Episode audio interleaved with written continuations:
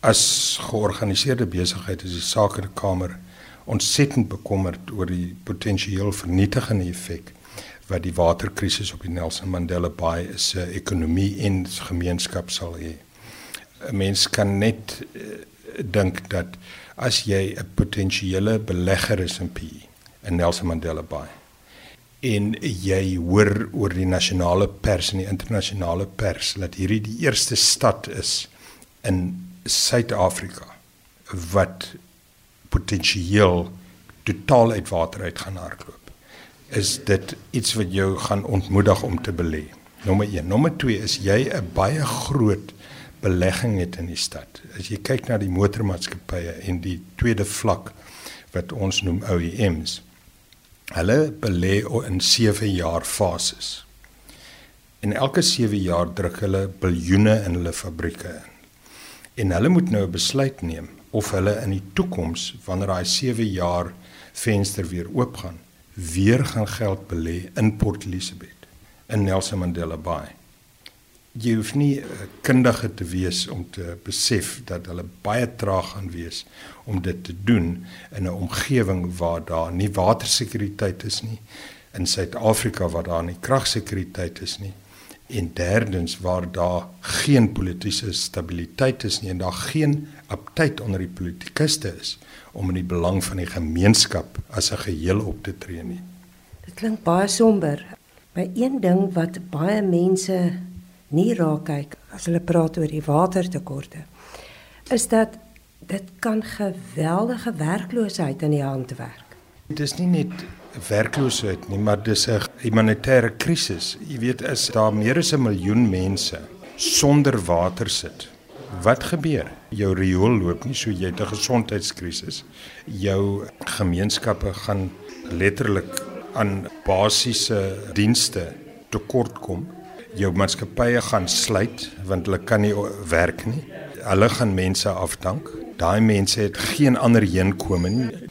Die meeste van die mense wat salarisstrekkers is, kan nie net hulle wortels lig en verhuis na 'n ander dorp, 'n ander stad of 'n ander land en die mense wat hulle moet dien, die mense wat moet sorg dat hulle daai sekuriteit en stabiliteit in hulle gemeenskap het, is blykbaar totaal ongeaffekteer daardeur. En indien dit nie binnekort reën nie, kan ons potensieel sit met 'n situasie wat in Madibeng en Transvaal gebeur het waar die politikuste dan watertrokke koop en in die watervoorsieningsbesigheid ingaan om wins te genereer uit die krisis wat hulle self geskep het. Ja, mens hoop nou nie so iets gebeur hier nie. Ons het daarom nog nie nooit gedag waterskema waar water uit die Gariep aan dele van die stad versprei word. Maar net eers terug na die besighede. Hoeveel van hulle is wel gekoppel aan die nooit gedag waterskema? Hoeveel van hulle sal wel watersekuriteit hê en wat is julle kommunikasie met hulle? kon hulle ook die nodige voorsorgmaatreëls tref. Wat is die terugvoer wat jy van hulle kry? Die nooitgedag skema is 'n interessante skema om na te kyk. Want ons aanvaar dat die gebrek aan reën bydra tot die waterkrisis. Maar mens moet die nooitgedagte skema in sy behoorlike konteks sien. Die nooitgedagte skema het ontstaan in die 1990s, daar was 'n groot droogte gewees hier in die in die vroeg 90s. Toe die noodgedagte skema begin. Ons is nou 30 jaar later, dit is nog steeds nie voltooi nie. Want elke slag is daar reën gekom het wat verligting gegee het, is die skema gestop. En die geld wat begroot was vir die skema is dan aangewend vir ander nie waterverligtingprojekte Ehm um, die onlangse fase 3 van die nooit gedag skema is nie die wonderkuur wat almal dink dit is nie. Want jy kan PE rofweg in twee dele opdeel, die ooste en die weste. Die nooit gedag skema kom van die ooste af. Maar die ooste en die weste van PE is nie gekoppel vir watervoorsiening nie. Nommer 1. So daai koppeling sal eers gebeur hier na September 2022 se kant toe. So ons moet om water in te kry aan die weste van PE moet daai skemas gekoppel word. Tweedens kan die nooit gedagte skema nie al die water voorsien wat P as 'n stad nodig het nie. Nooit gedagte skema kan omtrent 230 megaliter per dag voorsien terwyl ons gebruik tans staan op 280 megaliter. So in die kort termyn tot in September gaan ons 50 megaliter per dag tekort het en die weste gaan nie water hê nie. Indien die koppeling wel plaasvind en dit is soos hulle sê that's a wish and a prayer en dan gaan ons nog steeds 'n tekort hê van water tot ons er genoegsame reëns kry. As jy dit koppel aan die feit dat die waterskema werk grootendeels op pompstasies wat die balans van die waterverspreiding mee werk. Ongelukkig het baie van die pompe het onbruikbaar geraak. So nou maak hulle staat op bystandpompe. Daai bystandpompe is nie ontwerp of gemik daarop om voltydse pompstasies te wees nie.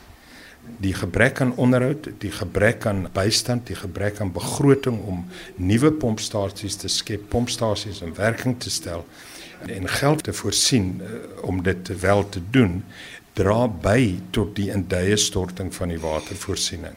So dis 'n tipiese eh, storm wat ons nou eh, bereik, die gebrek aan beplanning, die gebrek aan onderhoud, die gebrek aan voorsorgmaatreëls, die gebrek aan effektiewe bestuur, die gebrek aan empatie en omgee vir die gemeenskap nou als bymekaar kom om 'n perfekte storm te veroorsaak. Ek neem aan julle was al lank met die Mandela Bay munisipale bestuur in gesprek hieroor. Ja, ons was in dis 'n voortdurende gesprek met nie opbeurende resultate nie. Om jou 'n idee te gee, die waterverliese in die munisipaliteit is ongeveer 40% van die watertoekenning wat ons het. Met ander woorde, amper halfte van die water wat ons kry word vermors. Van daai 40% is 29% lekkasies en die ander 11% bestaan uit kommersiële verliese wat diefstal, onwettige verbruik insluit plus foutiewe meterlesings. Tans eh, verbruik besighede 35% van die munisipaliteit se watertoekenning en eh, huishoudings gebruik 65%. Besighede het oor die laaste paar jaar groot ingrypings gemaak om hulle watergebruik te beperk.